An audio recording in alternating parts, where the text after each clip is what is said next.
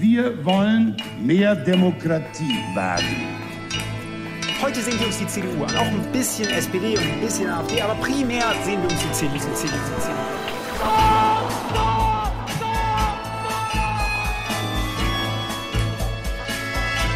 Niemand hat die Absicht, eine Mauer zu errichten. Ich weiß, ich habe heute Morgen in den Spiegel geguckt und dachte, jetzt sind die Hotte Bitch. Werden schon in wenigen Jahren blühende Landschaften, blühende Landschaften geworden sein. Früher waren wir Lametta. Wir haben so vieles geschafft, wir schaffen das. Herzlich velkommen til Tyskerne episode 85. I studio er vi, nemlig Ingrid Brekke. og Kai Schwind, hallo. I dag skal vi snakke om den knusende dommen som Tysklands grunnlovsdomstol kom mot boligmarkedregulering i Berlin, og hva det betyr for leietakerne. I ordspalten skal vi finne ut hva som ligger bak en del med tyske uttrykk. Hvorfor eh, kan et hjerte være en mørderhule, for eksempel, for å oversette det sånn direkte? Det skal dere finne ut eh, snart. Men først må vi følge opp eh, utnevnelsen av kanslerkandidatene i CDU-CSU og hos De grønne, som vi har dedikert hele siste episoden til. Fordi nå vet vi resultatet, og vi kan vel fastslå at jeg hadde rett med min spådom, eller hva, Ingrid? Ja, sannelig, Kai. Du hadde helt rett. Ja, ja. Det ble jo Armin Laschet eh, som ble Kristeligdemokratene sin kanslerkandidat. Og det ble Anna-Lena Baerbock som ble De Grønnes. Så får vi se da du, om du har rett i også det siste, nemlig at det blir Baerbock som blir kansler. Men det får vi jo ikke vite før i september. Det er Riktig, jeg tok det jo enda lenger. Ja da, okay, du gikk veldig, fingrene. veldig langt, vil jeg si. Men uansett, så langt har du hatt kjemperett. Bra. Så det håper jeg føles skikkelig bra. Og jeg kan sitte der og føle meg som en feiging som ikke turte å si noe. Uansett. Eh, Etter forrige episode så fortsatte jo dramaet noen eh, dager til. Eh, Men til slutt så fikk Armin Laschet gjennom en eh, avstemning i eh, landsstyret til eh, Kristeligdemokratene. Og Markus Søder, han ga seg etter det. Det var jo et klart flertall, må vi vel si, som ønska eh, Laschet. Det ble masse skuffelser rundt omkring. Eh, mange som følte at eh, partiet, altså Kristeligdemokratene, ikke bryr seg noe om folket, ikke bryr seg om eh, eh, demokratiet. Mange sånne påstander som har kommet. Eh, det er veldig interessant å se, fordi at det er opplagt noe oppriktig Altså, dette føler folk virkelig dypt, fordi Søder var så populær, eller er så populær og ikke Laschet. På den annen side så er jo dette en prosess som folk aldri har hatt noen innflytelse over. Så det, jeg tenker at det er litt sånn ny og gammel tid som mikses litt eh, Ja. sammen. Eh, og så må jeg jo bare kanskje si hva jeg syns var det mest sånn derre eh, skjellsettende øyeblikket i alt dette. Nemlig at på et tidspunkt hvor fortsatt ingen visste hva som skulle skje med Kristelig-demokratene, eh, ingen visste hva som skulle liksom få avslutta denne voldsomme hanekampen, Ja. da innkalte De Grønne, som planlagt, til sin pressekonferanse klokka 11 mandag. De to kandidatene, altså begge partilederne, Robert Habeck og Anna-Lena Baerbock, gikk på scenen. Robert Habeck smilte inn i kamera, fortalte litt, snakka litt om prosessen, og så sier han Og da er det Anna-Lena Baerbock som er vår kanslerkandidat. Hun gikk forbi han, klappa han litt på armen og starta sin eh, tale. Og seinere så har jo Habeck sagt i et intervju med ditt site at dette kanskje var den mest smertefulle dagen i hele hans karriere, fordi han også ønska så veldig å bli kanslerkandidat. Men de har altså klart da, den prosessen som Kristeligdemokratene ikke klarte. Ja, Det er litt interessant med at han var så åpen i det intervjuet og sa at dette gjorde det faktisk litt vondt. Jeg syns jo også at han var litt nervøs, forsnakke seg litt, hadde litt sånn annen, litt urolig kroppsspråk som jeg la merke til, så det forklares jo kanskje litt hvorfor at det var faktisk litt ubehagelig, at det Ja. gjorde litt vondt å måtte gjøre det. Og det samme gjaldt jo også litt Anna-Lena Baerbock. Man skjønte jo alvoret. Hun var også ikke helt på topp sånn retorisk og sånn, men hun klarte jo å fange opp denne stemningen og begeistringen. Eh, det videreformidler hun gjorde. Mm. Så det blir spennende å se altså, hvordan de jobber sammen nå fremover. ikke sant? Ja, for det, jo, det, er jo ikke sånn at Habek er på noen måte ute. De kommer jo til å fortsette tett sammen. Så det blir spennende. Og så fikk de jo en knallstart på meningsmålingsfronten. Det kom en helt sånn sensasjonell måling fra Forsa, jeg tror det var dagen etter hvor De Grønne fikk 28 ja. og CDO-CSO fikk 21% Altså de to partiene hadde rett og slett bytta plass. Mm. Nå får vi se. Den må nok tas med en klype salt. Det er litt sånn øyeblikksbilde og, og sånn. Men det viser i hvert fall én ting veldig klart. At tyske velgere er i stor flyt, og at hva som helst kan skje eh, fram mot valget. Mm, så det blir kanskje ganske spennende og ikke så kjedelig. Vi har jo, vi har jo hatt en sånn kåring av av de mest spennende og kjedelige kombinasjonene, og vi lander vel på at Laschet versus Annalena Baerbock er litt sånn midt i midten, eller midt kjedelig. ja. Midt i midten Ja, de, jeg tror de kan de, Men de er nok en slags eh, god kontrast, tror jeg. Altså, ja. Fordi han er en sånn veldig klassisk eh, politiker. Han er også litt sånn industriens mann. Mm. Og, og Bærbukk er jo derimot eh, denne klima, grønne, eh, ny giv, alt dette her. Ja. Litt sånn annerledes. Men jeg så forresten på vei inn i studio faktisk en ny meningsmåling blant eh, næringslivsfolk. Mm -hmm. At de heller vil ha Anna-Lena Baerbock ja, enn de vil ha Larseth.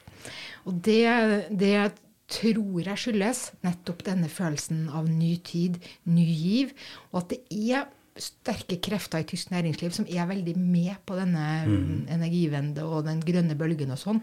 Fordi det er det som i det lange løp vil lønne seg ja. både for dem og for landet. Og. Så spennende. og Det er også noe man har testa på delstatsnivå i Baden-Württemberg, hvor uh, Winfried Kretschmann har uh, regjert lenge med Grønn parti, og som har egentlig jobbet ganske bra sammen med næringslivet, uh, med bilindustri osv. Selv om dette er også nettopp det som mange kritiserer, som mener grønne, de grønne har blitt altfor spiselige og mm. altfor konservative sånn sett. Så det ligger nok da, men jeg, jeg er enig. altså Anna-Lena Baerbock er jo tydeligvis en ny stemme på mange eh, måter. Og det syns jeg var litt interessant nå å følge med hvordan de klarte seg, altså både Laschet og Annalena Baerbock, eh, å eh, presentere seg i det medielandskapet i Tyskland, og iscenesette seg selv, kan man kanskje si. Laschet på den ene siden, som var veldig opptatt med å liksom dempe det bråket. Uh, spille det litt ned. Så, sa jo, det var litt krøkkete, men her er vi samlet og sånt. Og da opplevde man mye av den, sånn, det man kaller for politikksnakk. Politikersprech på tysk. Floskler og prøve å komme For helt sant kan jo ikke det være. Nei, det vet man jo. Vi har jo snakket mye om det, hva som skjedde i kulissene. Men dette var altså nå en sånn smiskingkampanje. mens Annalina Baerbock, det syns jeg var litt interessant valgte en litt annen tilnærming. Eh, det som mange reagerte på, var f.eks. at hun ga ikke sitt første intervju i noe av de etablerte talkshowene, de politiske, som vi også nevner så ofte her i Tyskerne. Hater Bafé, Markus Lanz, Meirsberger, Anne Will, eh, som har disse arenaene, de plattformene hvor toppolitikere uh, presenterer seg selv. Nei, hun gikk til ProSieben, en kommersiell kanal som egentlig er en sånn underholdnings-TV-kanal.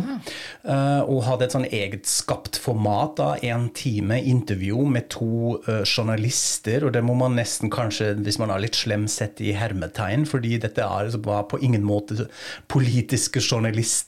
En av dem var Katrin Bauerfeind, en veldig kjent uh, ja, hva da, hun, programleder, komiker, skuespiller i Tyskland, som da altså plutselig skulle intervjue Annelina Baerbock. Og det fikk også alle involverte litt kritikk for, kanskje spesielt fordi Katrin Bauerfeind klappa som en liten jente på, mot slutten av intervjuet, for hun syntes det er så flott å snakke med Anna-Lene.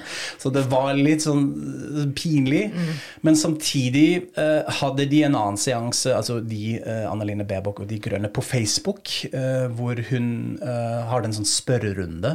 Det var som selvfølgelig forhåndsutvalgt, men da presenterte hun seg selv. Og da ser man litt at de nå prøver å opptre på den nye arenaen i digital form på sosiale medier, snakke til sine velgere, prøve å få med, forklare, kontekstualisere. Og da gjorde hun en veldig god figur som viste oss at hun kan dette. Dette er en litt annen sound i måten hun snakker, men også hvordan hun presenterte seg selv, så det var litt interessant å se. Og det siste jeg la merke til eh, da i de store etablerte talkshowene, hvor man selvfølgelig også snakket om dem, og da spesielt om Annalena Baerbock, var hvordan denne motstanden begynner å danne seg. Eh, da var det flere som altså nevnte, nå snakker jeg om Markus Lanz, som begynte å kritisere henne for den mangel erfaringen. Det var spesielt en journalist som uh, nevnte dette, og en annen gjest i det talkshowet var Cem Özdemir, altså en grønn politiker, som forsvarte Annalena Bebok Da sa ja, hun, hun har kanskje ikke regjeringserfaring, men hun har masse annen erfaring. Men da skjønte jeg litt det det som kommer til å prege valgkampen nå, tror jeg. at de eh, motsiden i anførselstegn, og også kanskje kritiske journalister, kommer til å påpeke dette. Men hva er ekspertisen din? Du har ingen erfaring. Eh, hvorfor vil du blir kansler? Og det må de forhåpentligvis ha en slags strategi klar for, hvordan de skal svare på dette. Mm. Ja, nei, Det er klart de må finne en strategi, for jeg er helt enig med deg. Dette kommer til å, å holde på. Men jeg syns også det er veldig interessant det der at det kan hende at, at både Baerbock og partiene bare tenker at det er noen grupper de ikke kan vinne. Ja. Og det er f.eks. disse eldste, eh, ofte kanskje mennene, da, som er nettopp driver og gnukker på det med den eh, erfaringa, og at hun ikke er sånn som de andre. og sånn, ikke sant? At det er kanskje litt et tapt slag, og at derfor tenker de nettopp det at vi må heller sette i gang offensiven mot de gruppene vi kan vinne. Og det ene er jo selvfølgelig de som allerede velger de grønne eller er veldig positive til de grønne. Og så er det de unge. De ja. som virkelig ønsker dette. Nei, nå må det skiftes ut, nå må det komme nye koster, nå må ting bli annerledes. Ja. Og som er veldig opptatt av klima, f.eks. Og sånn. Og det til sammen er jo dette ganske store grupper. Og så tenker man at disse andre får man liksom ta som det kommer. Men det er klart, svar må de jo ha, hvis ikke mm. virker de jo helt hjelpeløse. Så det ja. blir interessant. Mm. Jeg er veldig, helt enig, jeg tror du har helt rett i dette. Og hun var jo også veldig flink ved å egentlig snakke litt med innhold. Litt mindre personlighet og sånt, men gå rett løs på de store temaene som, som etter koronapandemien har altså kommet frem enda mer. Digitalisering nedbygging av byråkrati i Tyskland, det å håndtere utfordringer til federalisme litt bedre, og selvfølgelig miljø og bærekraft. Det er det som alle snakker om. Det er mm. det som eh, skiller nå veien mot fremtiden, og det er de klar for. Så blir det spennende å se hva som skjer med de som velgerne, som faller litt mellom stolene, litt sånn, som ikke føler seg hjemme. Kanskje det er FDP som vinner der. De har ja. jo kommet frem, ikke sant? Ja, for det så man jo også på denne sensasjonsmålinga hvor de grønne ble så kjempestore at, at FTP også hadde gått opp et par par-tre eh, prosentpoeng. Ja. Eh, og de er i en slags medvind. Altså FTP, dette liberale partiet som ligner litt på Venstre eller et sånn næringslivsparti. Eh, at det er nok en del som da ikke føler seg helt hjemme i CDO, men som ikke vil gå til AFD.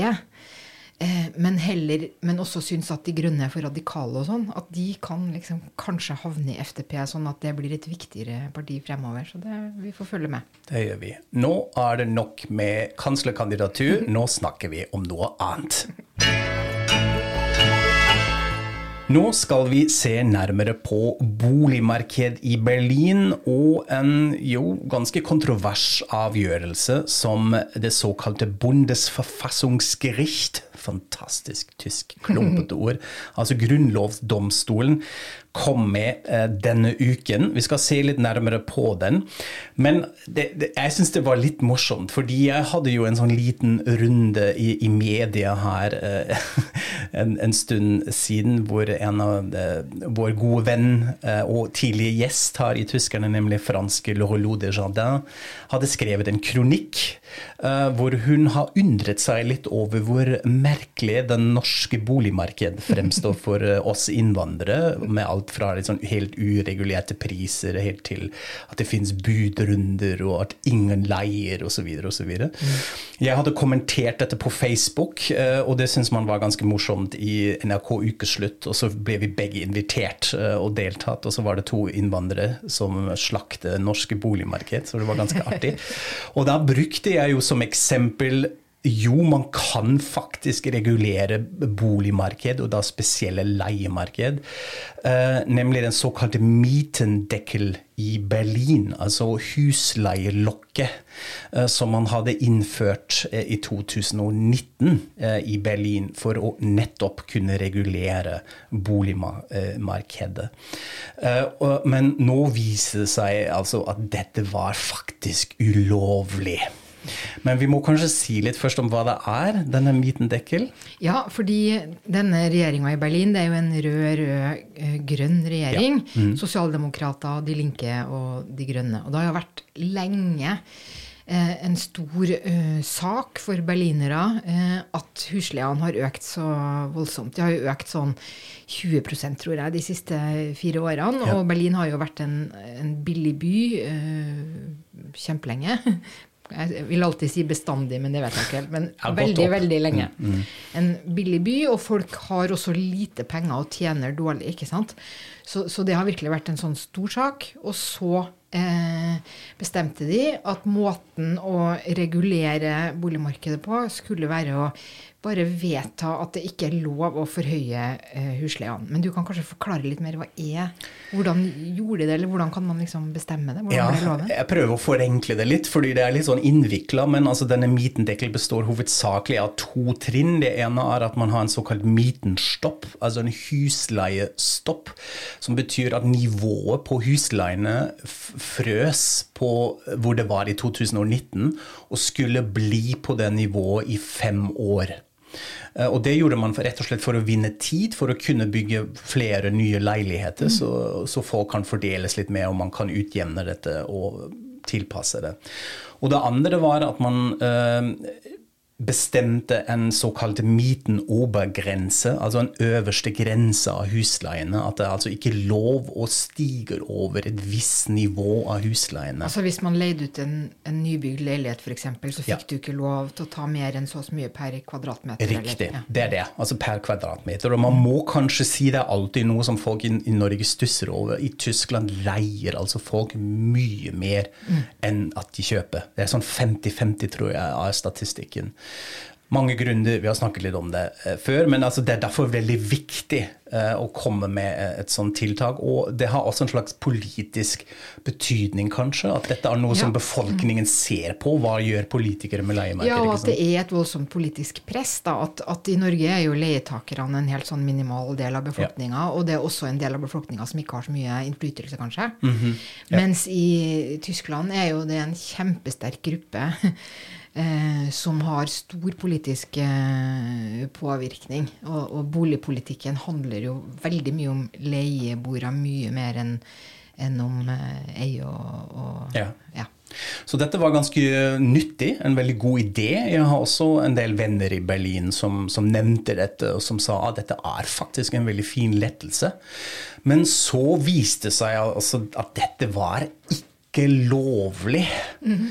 Hvordan går det an? Jo, dette måtte altså den grunnlovsdomstolen komme på banen. Hvorfor kommer de på banen? Jo, fordi opposisjonen i Berlin, dvs. Si CDU og FDP, hadde klaget gått til et, har anmeldt den loven og har sagt kan ikke dere dobbeltsjekke om det er faktisk lovlig. Og Når vi snakker om lovlig, da handler det mest om hvilken, på hvilket nivå av lov vi snakker om. Og Da eh, kommer jo dommen som sier dette er ulovlig fordi dette er altså nasjonal lovregelverk som skal ta seg av det, ikke på kommunal- og delstatsnivå. Ja, Det er veldig interessant. Altså, at, at, at, dommen ikke Det sier jo ikke at det ikke er lov å lage en, en sånn begrensning på husleien i Tyskland, ja. men de sier at det ikke er lov at delstaten bestemmer det. Mm. Så da må man gjøre det nasjonalt, ja. hvis man skal gjøre det. Ja, så det er situasjonen som uh, mange er litt sjokkerte over og undrer seg, og så er det jo en debatt. Men det er kanskje litt interessant å se nærmere på hvem er de, denne grunnlovsdomstolen, altså Bundesverfassungsgericht. Hva er dette? Jo, nei, du vet jo at jeg er en beundrer av tyske institusjoner, da. Så jeg skal gjerne si noe om Bundesverfassungsgericht. Mm. Eh, jeg kan jo begynne med å si at de er veldig fine. De har sånne røde klær.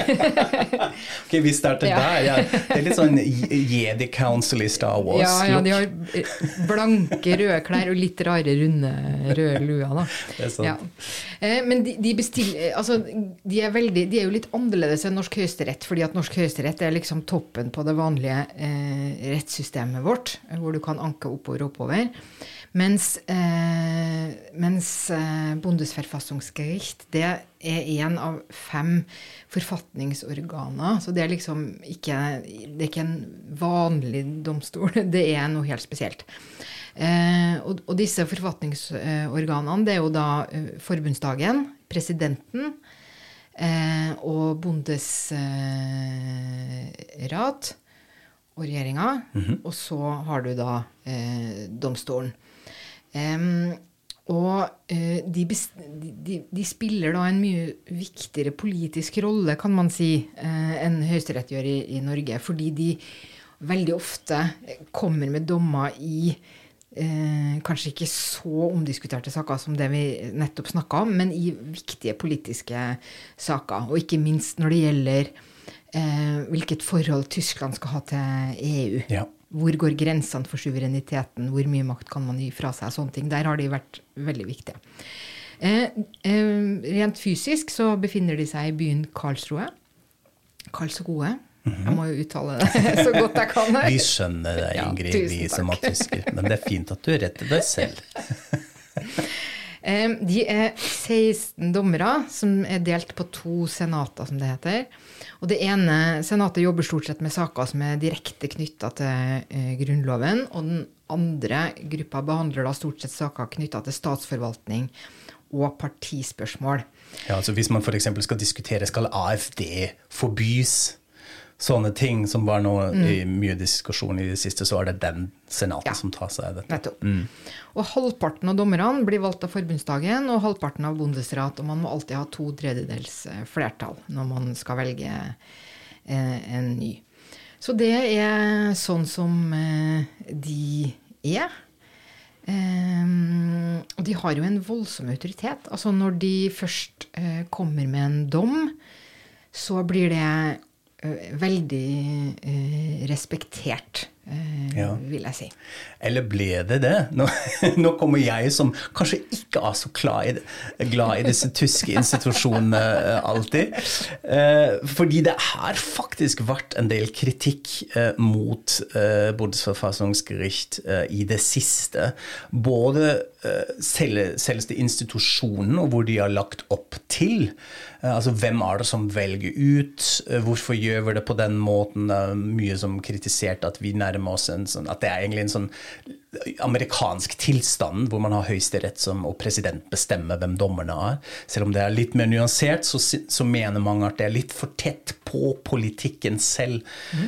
Det har også vært noen kontroverser rundt noe av e-, enkle dommer her.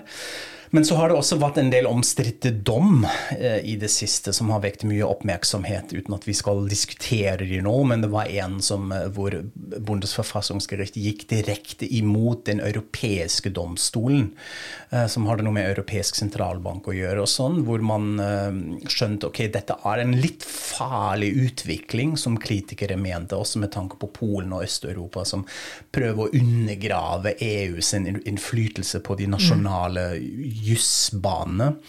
Og det andre var en dom mot virksomheten eh, av sikkerhetstjeneste i, og etterretningstjeneste i Tyskland, altså BND, Bundesnachrichtendienst, hvor man fastslo at egentlig en del av deres virksomhet var på ulovlig grunnlag med tanke på overvåkning og sånn.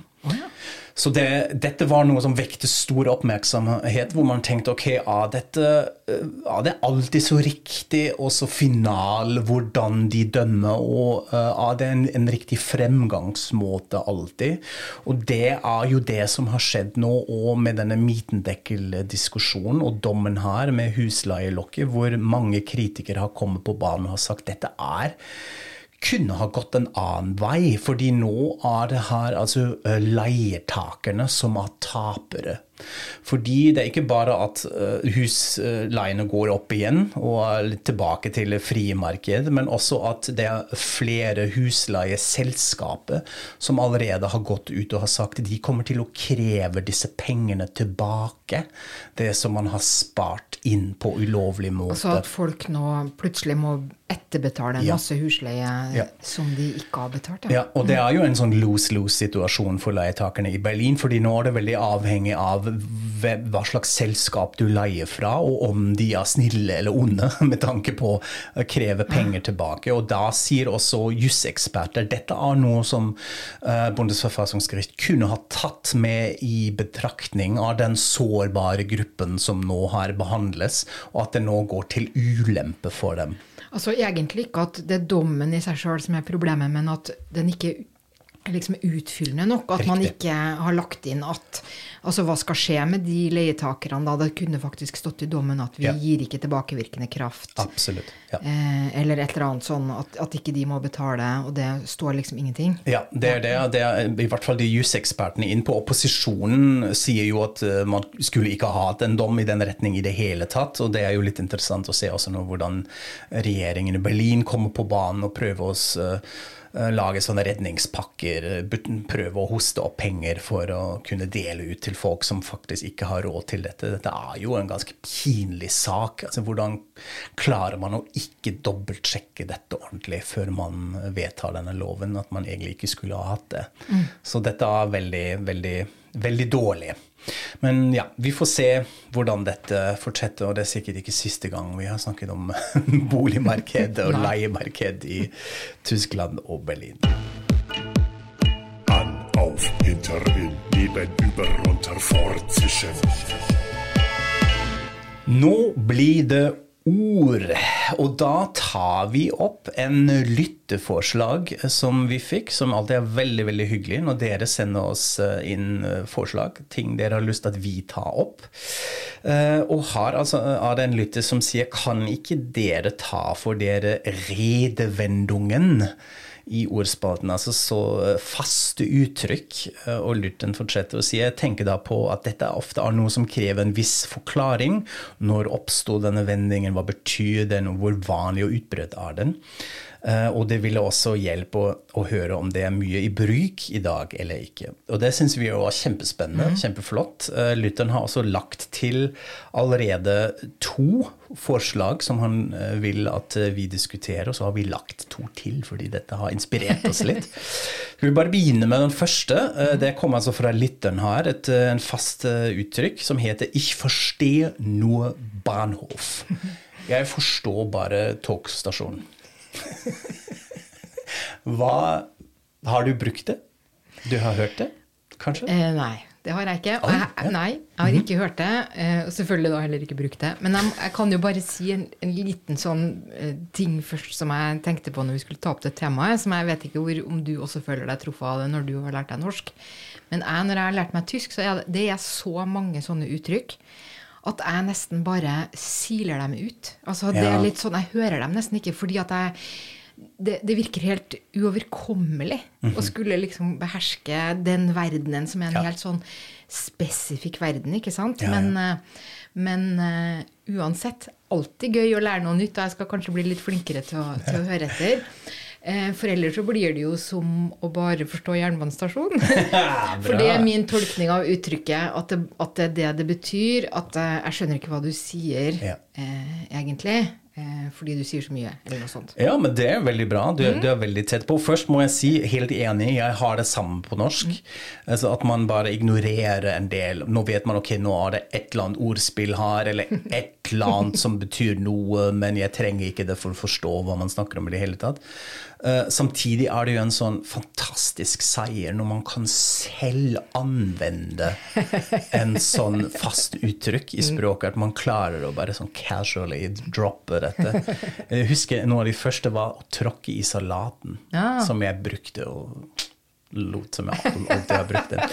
Så det var bra. kult, ja. Men ja, ich verstehe nå Bahnhof, ja, det må vi se nærmere på. Og det, var, det er jo veldig gøy for meg òg, fordi jeg eh, tok litt ansvaret for research her. Jeg vet, visste ikke med alle de som vi skal snakke om i dag, hvor de egentlig kommer fra.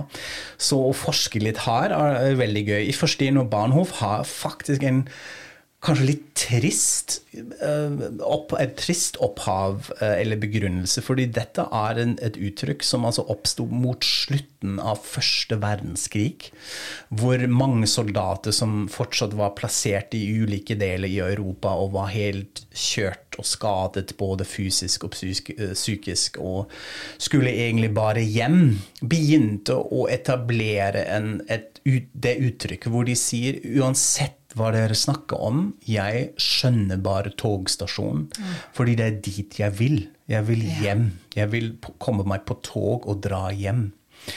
Eh, Så det har jo en annen dimensjon til det at man ikke bare ikke skjønner hva man snakker om, sånn som det har blitt til i dag, men også at man nekter å høre på all denne bablingen som ble sagt. Fordi man er i en fortvilt situasjon. Akkurat. Ja, Veldig sterk historie. Det er en Ja. sterk historie, og det er ikke den betydningen som henger med når man bruker det i dag. Det er mer uskyldig og lett. så Jeg skjønner ingenting av det du sier. Ja. Jeg skjønner bare togstasjonen. Så eh, da er det det. Eh, Vi kan gå videre til det neste fra lytteren, og dette er 'Alles was nicht bei drei auf den Bäumen ist'. Vil du oversette det på norsk? Jeg orker ikke. Det er slitsomt. Eh, alt som ikke er oppi trærne etter tre, eller noe sånt. ja. Veldig bra. Ja. Har du en hunch? Nei, det må jo være, har jo et eller annet med tempo å gjøre, kanskje. Eh, at man må eh, sk- skynde seg med noe eller et eller annet. Nei, det er nesten ubegripelig for meg. Ja, men det er det. eh, Og det som er litt skuffende, at jeg faktisk ikke fant en ordentlig forklaring for dette. Jeg fant ikke noen sånn kul opphavshistorie, eller at dette kommer fra Goethe som sa det til Schiller, eller noe sånt. Det var ikke det. Så hvis det er noen lyttere som faktisk har eh, mer kunnskap rundt dette, så si det gjerne til oss. Men dette er, altså for meg virker det som det kommer fra en sånn barnelekkontekst. At man teller til tre, og så skal alle gjemme seg. Og det, så det er et sånt kjent uttrykk helt sånn bokstavelig tatt, men det ble brukt i den forstand at man nå altså må gjøre en ubehagelig oppgave. eh, og eh, alle som ikke er oppe i trærne etter de har telt til tre, må være med. Ja, ja, sånn rydde opp etter festen, eller Ja, alle, er et godt eksempel. Alle de nicht bei drei auf den Bäumen sind, müssen mit aufräumen. Eller sånt. Og så kan man også snu det litt med at de som skal gjøre noe, er mer uskyldig. Altså ikke, Jeg snakker alle i hjel med min mansplaining som ikke er oppe i trærne etter de har telt til tre. Litt, litt sånn. Så man bruker det ofte i den retningen òg. At de flykter fordi de er stakkars dem, liksom. Ikke de at de, som ikke har lyst på å gjøre noe. for det. Så ja, som sagt, hvis dere vet hvor dette kommer fra, send det til oss. Og nå har vi jo lagt til to uh, som har dukket opp uh, i det siste. Eh, kanskje fordi vi hørte dem også litt ofte. Eh, sagt nå i de talkshows og diskusjonene rundt eh, politikk og kanslerkandidatur og, og sånne eh, ting. Um, men vi tar en annen først, eh, nemlig in die Haia-gen. Ikke gehe in die Haia. Jeg aner ikke. Ubegripelig. Og det var jeg selv veldig nysgjerrig på, fordi man bruker dette veldig ofte og vanlig, men jeg vet ikke hvorfor. Gå hvor på heia. Ja. Jeg er litt treg her nå. Ja, Jeg tar meg en tur på heia. hvor dette kommer fra. Så, så har jeg researcha litt da òg, og det fins altså forskjellige forklaringer. Og vi skal ikke ramse opp alle her, men jeg tror de som gir mest mening, er, er kanskje to. Den første er at dette er en slags ordmutasjon fra ordet hei-gjær, altså som gjær som i året. Eh, et nordtysk ord eh, som refererer til en sånn bitte liten um, et bitte lite hus som en Hva var dette? Sjef? Gjeter. Gjeter. En gjeterhytte. Ja, en gjeterhytte hvor altså gjeteren går eh, inn for å sove. Og at dette har da videreført og blitt til heia. Litt sånn forkortet, litt klumpet sammen. Så uh, dette er rett og slett et sted hvor noen sover. Så det betyr jeg skal gå og legge meg? Ja, det er jo det som det Å, ja. betyr. Jeg skal legge meg. Uh, og det er også tilknyttet til den andre forklaringen jeg fant, at dette heia kommer fra høy. Altså som i, i eh, Tørt gress. Ja, takk. Jeg skulle si med agrikultur og sånn. Men ja, helt riktig. Tørt gress. Eh, Fordi det var jo ganske vanlig at man sov. Sov i høye. høyet, ja. i søv, sov i høye Sånn. Så det, det kanskje den, eh, den Så koselig. Ja, litt koselig, den her. Den Men kan nå- jeg kanskje klare å bruke. ja, det tror jeg også har det litt sånn uh, lydmalerisk, litt morsomt. Altså, de heia inn, de heia gen. Så det virker som man har en sånn liten prosesjonstog. Nå skal jeg gå i sengen og synge noe sånt. Men så er det hovedattraksjonen nå i disse uttrykk, de som vi har allerede klausulert litt til i introduksjonen her. Altså det at man skulle gjøre et morderhytte, eller hva ved hule av hjertet sitt, eller hva det nok var. Det hørte vi begge i talkshows, ikke sant? Den her, nemlig aus seinem Herzen keine Mördergrube machen. Ich mach aus meinem Herzen keine Mördergrube. Du har hørt det òg? Ja. Jeg så det jo i denne Siden du snakka om det, så måtte jeg jo se nok en gang om igjen. Ja. Eh, og dette var jo noe Dorothea B sa, som er CSU-politiker Ja. og satt og, og hun, hun er jo veldig sånn Gjør mye um, kroppsspråk. Mhm. Så jeg kunne skjønne ganske mye hva det betydde, bare fordi hun liksom la hendene til hjertet og så veldig blid og søt ut. og, og hun vil da ikke gjøre hjertet sitt Altså, det kommer ikke noe Jeg skal ikke være ond, jeg skal ikke være slem. Ja. Det kunne jeg se at det var det hun uttrykte, da. Men jeg bare syns det så, høres så nydelig ut.